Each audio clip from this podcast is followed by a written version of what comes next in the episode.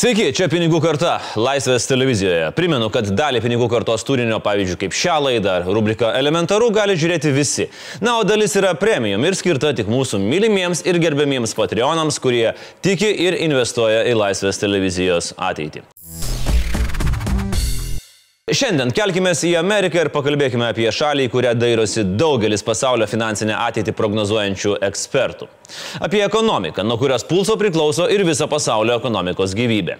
Junktinės Amerikos valstijos išgyvena, na tikrai, ne patį lengviausią periodą savo istorijoje. Gatvių riaušės dėl rasinės neligybės, su svarbiausiais sąjungininkais ir su Kinija konfliktuojantis kontroversiškas šalies prezidentas, milžiniška valstybės skola ir visa savo jėga užgriuvusi koronaviruso krizė. Atrodo, kad galingiausiai pasaulio ekonomikai atėjo išties sunkus laikai. Jeigu žiūrėtumėm JAV ekonomiką, tai pirmą ketvirtį krito kažkur 5 procentus, tai antrą ketvirtį yra prognozė, kad kritimas bus buvęs gal minus net 35 procentus. Nu, ten apie, mes kalbam apie tokius neįsivaizduojamus skaičius. Jeigu kalbėtume apie tai, kaip Junktinė, Amerikos valstybių valdžia reagavo į, į visą šitą šoką, tai iš tiesų jie ėmėsi labai didelių tiek pinigų politikos, tiek ir fiskalinio skatinimo priemonių. Na ir vien, vienas iš tų pagrindinių, apie kurias tikriausiai teko girdėti, tai yra tas Federalinio rezervo banko palūkanų normų sumažinimas iki 0,25 e, e, procentų. Taip pat atnauna neribotus turto pirkimus, e, davė naujų kreditavimo galimybių tam, kad galėtų palaikyti pinigų kiekį rinkoje, kad e, įmonėms, tai, kaip sakoma, neužsisuktų kraneliai, sušvelnino kapitalo reikalavimus, finansavimo reikalavimus, na ir taip, kaip angliškai sakoma, helikopter money paleido, tai yra išdalino vienkartinių pinigų. E, ir visa tai e, tikėtina ir buvo laukta, kad ne tik, kad nes padėtų palaikyti tą privatų vartojimą, ir įmonėms padėtų toliau tęsti veiklą. Tačiau iš tiesų ir norėta tos lūkesčius išlaikyti pakankamai aukštame lygyje, kad žmonės taiga nesusiveržtų viržų ir dar labiau nepadidinto ekonominio šoko. Tačiau tai jau vyksta. Pasak lietuvių kilmės Jeilio universiteto profesoriaus ir Nobelio premijos laureato ekonomisto Roberto Šilerio, amerikiečiai pradėjo daryti tai, ko nedarė niekada gyvenime. Jie pradėjo taupyti. Consumers might pull back on their spending. Uh, recent data have shown a uh, over 30% saving rate in the United States. It's never been this high. Uh, and uh, so it's because I think of fundamental uncertainty and a, a sense that we're uh, our, our, lives are changing forever because of uh, a new a new attack by a, a, very vicious disease. We don't know where we're going at this point. it's it's like a big shakeup we have to pray for the V-shaped recovery. That's the only thing. But I'm afraid it might not come. Optimistinėmis prognozėmis nespinduliuoja ir kitas valstijose gyvenantis mūsų kalbintas ekspertas Rokas Beresniovas, dirbantis bankinėme sektorėje. Pasak jo, pinigai senka, laikas tiksi ir tikrai nepaprastų amerikiečių naudai. Vėlgi 40 milijonų žmonių um, be darbo um, Junktinėse valstijose, tai yra didelis, uh, didelis skaičius. Um, trečdalis žmonių praleido nuomos mokesčius praeitą mėnesį. Nuoma už porą dienų vėl reikės mokėti žmonėm, tai pažiūrėsim, kiek, kiek bus praleidimų dabar. We are in a chaotic situation. We have uh, a president who is very controversial and is being blamed for uh, the severity of the COVID 19 crisis at this time. Uh, we're just uh, absorbing the fact that right now uh, we're starting a second wave of, of COVID 19 and it's spread widely over the country, so it can't be easily um, uh, controlled now. Uh, I don't know where we're going. We, we have to become extrapolate from historical examples. I don't know what we can do. It's just a, an odd situation. Tačiau paradoksas - Junktinių valstijų akcijų biržos regis švenčia amžiną šventę. Pasižiūrėkite, po vasario šoko, kai pagrindinis Dow Jones indeksas per mėnesį nuo 29 tūkstančių nukrito iki 19 tūkstančių, biržos atsigavo, indeksas grįžo ties 25 tūkstančių riba ir akcijų kainos toliau kyla. Kiekviena atrodytų neįgiama žinia apie Amerikos ekonomikos rodiklius sukelia naują optimizmo bangą. Ta prasme. Čia kaip? Čia kodėl? Ar čia man vienam atrodo, kad kažkaip prasilenkiama su logika? Kaip vienas Wall Street analitikas yra pasakęs, man, man patinka šita frazė, kad rinkos geriausiai yra apibūdinamo šiuo metu kaip žmonių požiūris į antrąją santoką, kad viltis triumfuoja prieš patirtį. Tai kas šiuo metu vyksta, tai vyksta e, finansų rinkų, akcijų rinkų atsiskirimas nuo realios ekonominės situacijos. E, kodėl tai vyksta? Tai vyksta būtent dėl visų vyriausybės ir ypač Federalinio rezervo banko įsikišimo. Tai tas įsikišimas ir kartu patvirtinimas visą laiką komunikuojamos žinutės, kad bus padaryta tai, ko prireiks, kad būtų išsaugota ekonomika, e, skatina investuotojus būti pakankamai optimistiškus. Ir šalia to e, papildomos e, obligacijų garantijos vyriausybės garantuotos išleistos obligacijos, jos e, nuo pat koronaviruso pradžios palaikė obligacijų kainas ir žemą pajamingumą. Ir todėl investuotojai dar dėl to ieškodami gražos nukreipia pinigus į akcijų rinkas ir dar didino spaudimą kainoms. The stock market in the United States has been going up. It's up 40% uh, from uh, March 23rd. Uh, that's quite a um, quite a strong market. Uh, uh, how can how can that be when it's so chaotic? Uh, so I worry about. I think the U.S. stock market is very risky now. We're already in a recession. The question is, how bad a recession will it be? Uh, and uh, I don't know. I don't know how to take historical examples to prove one way or the other uh, we've been surprised before. So maybe, maybe as Trump says, the virus is just is just going to go away.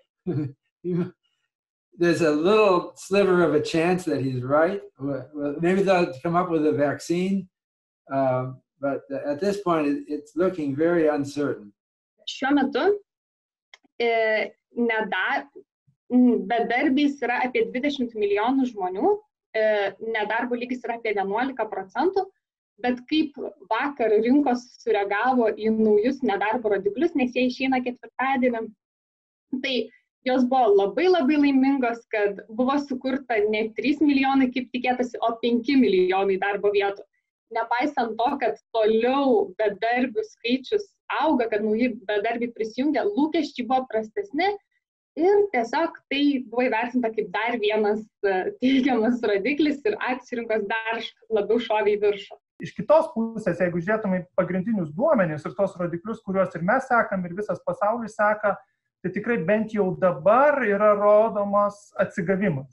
Pavyzdžiui, gamybos indeksas rodo, kad birželio mėnesį gamyba jau augo, nekrito vartojimas, kur realiai sudaro didžiąją dalį JAV ekonomikos ir nuo ko mes priklausomi ir, ir, ir visa globali ekonomika priklausoma.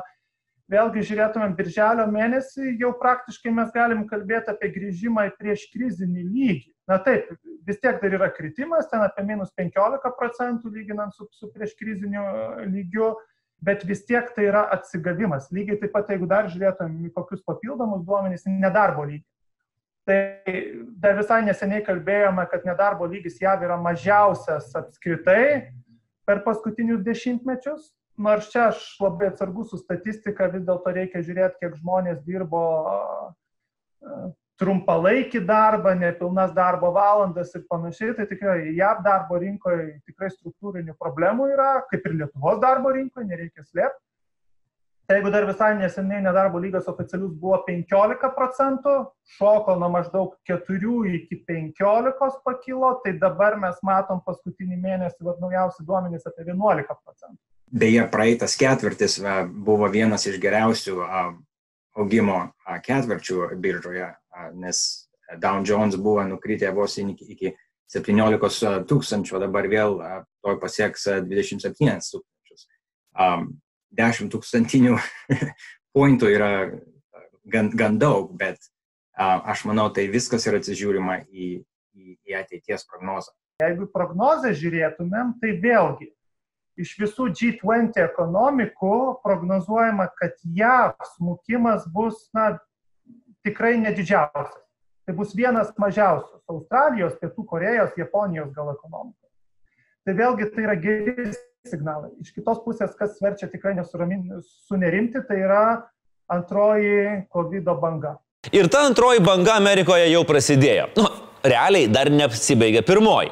Liepa valstijos fiksuoja rekordinius susirgymo COVID-19 skaičius ir dar visai neseniai karantino suvaržymus panaikinusios valstijos dabar grįžta prie griežto režimo. O tai neišvengiamai vėl sukaustys jų ekonomiką neribotam laikui.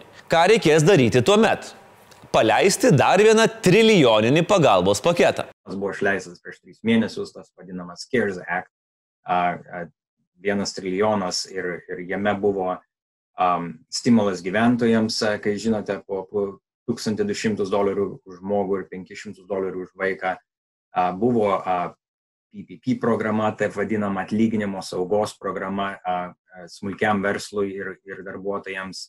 Nu ir smulkaus verslo paskolos, tos, kur smulkus verslas turi, jos, jų nereikia smulkiam verslui mokėti netgi šešis mėnesius. Tie visi, tas visas stimulas tikrai, manau, padėjo JAV visai ekonomikai tikrai nenuslūkti. Bet vėlgi žmonės, žmonių tas unemployment, nedarbingumo paketai pasibaigia gale šio mėnesio. Nes kiekvienas žmogus, kuris yra užsiregistravęs bedarbis, gauna ekstra 600 dolerių į savaitę prie tų 3 ar 400, kur normaliai gauna. Ir, ir tas, tie, tie 600 dolerių ekstra per savaitę, jie pasibaigia šio mėnesio gale. Um, ir jeigu tos valstijos, kurios per greitai atsidarė, bus užsidariusios ekonomikai, vadinasi, tikrai kongresas turės išleisti dar vieną stimulinį paketą bus labai įdomi ir galbūt šiek tiek gąsdinanti situacija, kas atsitiks Liepos 31 dieną, kai dalis tų pirmojo reagavimo e, lėšų, kurios buvo įpumpuotos į ekonomiką, išnyks. E, palyginimui, bet galiu paminėti, kad na, tie bedarbiai, kurie na, neturintys darbo žmonės, iki tol gaudavo apie 400 JAV dolerių per savaitę, Na ir šiuo metu pandemijos laikotarpiu ši suma buvo padidinta 600, tai reiškia, jie gaudo apie 1000 dolerių per savaitę. Kas bus, kai nuo, nuo rūpiučio mėnesio šitų pinigų nebeliks, o liks visos paskolos, e, jav namų ūkis skolinimas ir tiek įmonių skolinimas yra labai aukštas ir reikės mokėti nuomą, tai šiek tiek gazdina tikėtina, kad bus tęsiamos galbūt netokios didelės apimties, tačiau toliau priemonės, nes kitaip mes susidursime su dar vienu labai rimtu šoku. O susidūrus su nelabai malonia realybė, optimizmas gali dingti ir iš akcijų biržų. Ta diena, kai tai įvyks, Wall Street'e gali būti labai, labai, labai liūdna. Tikėtina, kad tas visas optimizmas dėl antrosios santokos iš tiesų išnyks tuomet, kai mes gausime įmonių veiklos rezultatus. Tai yra pelno nuostolio ataskaitas, kaip pamatysim, kokia iš tiesų yra situacija. Ir tada gali, yra tikimybė, kad akcijos gali kristi, kristi ir pakankamai sparčiai. Tiesa, vėlgi labai daug kas priklauso nuo to, kokie bus centrinės valdžios veiksmai. Ir jeigu jie toliau aktyviai ne tik, kad pumpuos tos pinigus į ekonomiką, bet ir bandys visom savo jėgom užtikrinti, kad rinkų optimizmas e, išsilaikytų, tai gali būti, kad didelio kritimo ir nematysim. Kaip Amerika gelbėja savo ekonomiką? Spausdina trilijonus dolerių. Na, o jeigu sekate pinigų kartos aiškinamosius video apie įvairius ekonominius reiškinius, tikriausiai prisiminate temą apie pinigų spausdinimą ir pumpavimą į ekonomiką. Jeigu nesekate, labai rekomenduoju pažiūrėti. Kalbant apie tą pinigų spausdinimą, elementari logika byloja. Tai, ko pasaulyje atsiranda vis daugiau ir daugiau ir daugiau ir daugiau, bėgant laikui nuvertėja. Kol kas doleris atrodo gana tvirtai, tačiau ekonomikos istorija mus moko, kad pasaulio rezervo valiutos, o kartu su jomis ir pasaulio ekonomikoje dominuojančios valstybės keičiasi maždaug kas šimtą metų. Na ir kai kurie mūsų kalbinti ekspertai sako, kad šito proceso jau nesustabdys. Valstijos galbūt ne, ne šiais metais, ne kitais metais, bet artimų laikotarpių turėjo, susitaikyti su tuo, kad Kinija dėl savo galios, dėl savo dydžio, dėl savo e, strateginės svarbos didėjimo, ji taps didžiausia ekonomika ir tuomet turės bendrai e, pasaulio ekonominėje sistemoje dar daugiau galios. E, jeigu žiūrėtume į tai, kas dabar vyksta tarp JAV ir Kinijos, tai pernai metais, 2019 metų pabaigoje mes matėme tokius prekybinius konfliktus, e, susitarimus dėl muitų, nesusitarimus dėl muitų, ribojimus, kvotas. Šiuo metu visas tas, visi tie nesutarimai iš tiesų jau yra daug platesnės apimties žmonės tikrai yra pripratę prie, prie tam tikrų kainų ir, ir, ir kalbant paprastąją tą kalbą, um, tikrai negalėsi pirkti produktų, jeigu jie bus pagaminti čia. Um, aš manau, tas niekada negrįž um, ir, ir, ir aš manau, kad uh, JAF visą laiką pirmiausia iš, iš inovacinės ir technologinės pusės, um, o ne iš gamybos. O galbūt, galbūt nedidelę mažytę dalį šiuo metu Kinijoje gaminamos produkcijos galime pagaminti ir mes naujose, modernizuotose, robotizuotose, atsinaujinančius gamtos išteklius naudojančiose ir atliekas perdirbančiose gamyklose. Lietuva yra maža šalis, kurią tiesiogiai veikia įvairūs globalūs ekonominiai pokyčiai, tačiau dėl to paties savo mažumo mes galime ir kur kas greičiau reaguoti, kurti ir pasiūlyti tai, ko reikia nuolat besikeičiančiam pasauliui. O dabar kita tema. Vasara, reikalai ir tas noras užsidirbti turint šiek tiek daugiau laisvo laiko. Be didelio vargo. Juk daug kas taip norėtų, ar ne? Bet ar įmanoma? Žiūrėkit, mūsų kolegos Mansfredas ir Laurinas pabandė atsakyti į šį klausimą, mesdami vienas kitam iššūkį su skirtingomis tokio ekspres, labai greito verslo idėjomis. Kam pavyks uždirbti daugiau, bandant palepinti įnoringus trakų turistus. Manfredai turiu idėją. E, Express super greitas verslas. E, susiruošėm per porą darbo dienų ir sudirbam pinigų visai vasarai. Aš galiu pardavinėti vat, e, kavą, o tu nežinau. A, tai tu turi jau idėją. Taip, šaltą kavą pardavinėti. Tai ar tu in ar ne? Aš in. Aš norėčiau pažiūrėti, kaip tu vienas stovi su savo keliu ir niekas prie tavęs neprieina. Tai, tai gerai, pasižiūrėkim. Aš pardavinėjau kavą, o tu pardavinėjai, nežinau. Uh, uh, Aš paruošiu desertą. Desertą. Desertą. Vasarą. Nesijaudin. Gerai, žodžiu, tai einu ruoštis šių. Sėkmės.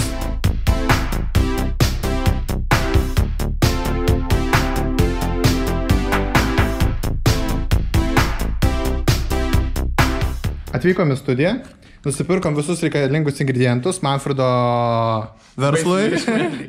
Taip, ir čia matome vaisius, čia matome termosą su skystu azotu ir matome ješmelį mhm. su jau suvertais vaisiais. Kurį mes turim panardinti. Norėčiau, aišku, kad būtų 5 eurai kokie, bet turbūt bus euras. Pasidariau jau kavos, nusipirkau indelį, dangtelį, šiaudelį, ledukų, sirupo ir pieno. Ir tai yra viskas, ko man reikia. Du eurai. Mašina prikrauta jau pilna supjaustytų vaisių ir kavos. Taip, ir lydintis Laurino idėją važiuojame trakus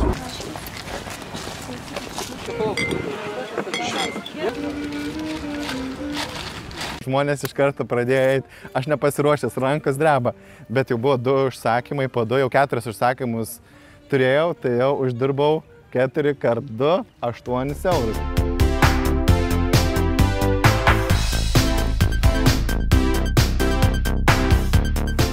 Šaltos kavos. Šalta gaivinanti kava. Prašau, prieikit, nesikuklinkit. Jau koks 30 minučių ir prie jo prie niekas neprieina. Man net gaila jo. Laikas pradėti mano antrą etapą - kosmoso vaisių. Žiūrėsim, kaip bus.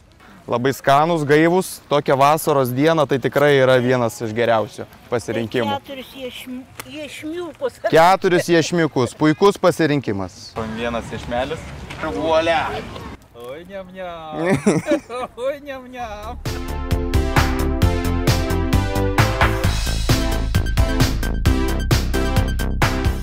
Taigi, Manfredai, apibendrintai, glaustai, kaip tavo diena, kiek uždirbai?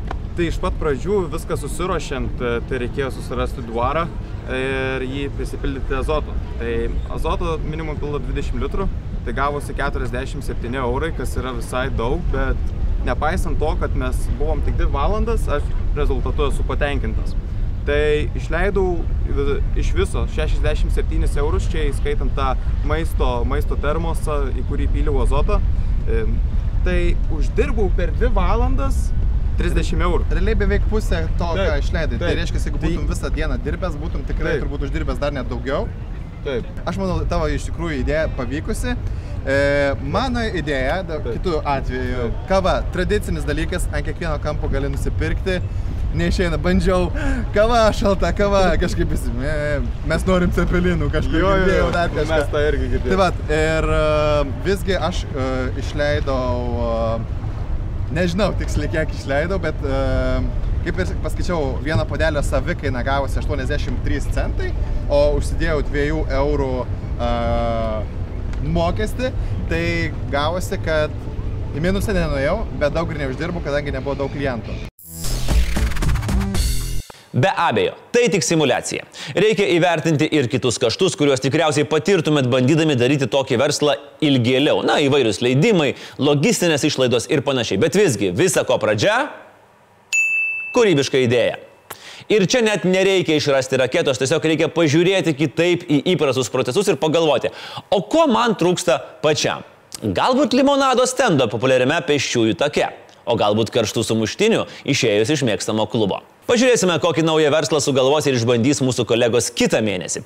Viskas iki kitos savaitės, kai kalbėsime apie savitarpio skolinimuose platformas. Prenumeruokite, remkite, žiūrėkite, užsidirbkite kartu su mūsų pagalba ir iki viso ate.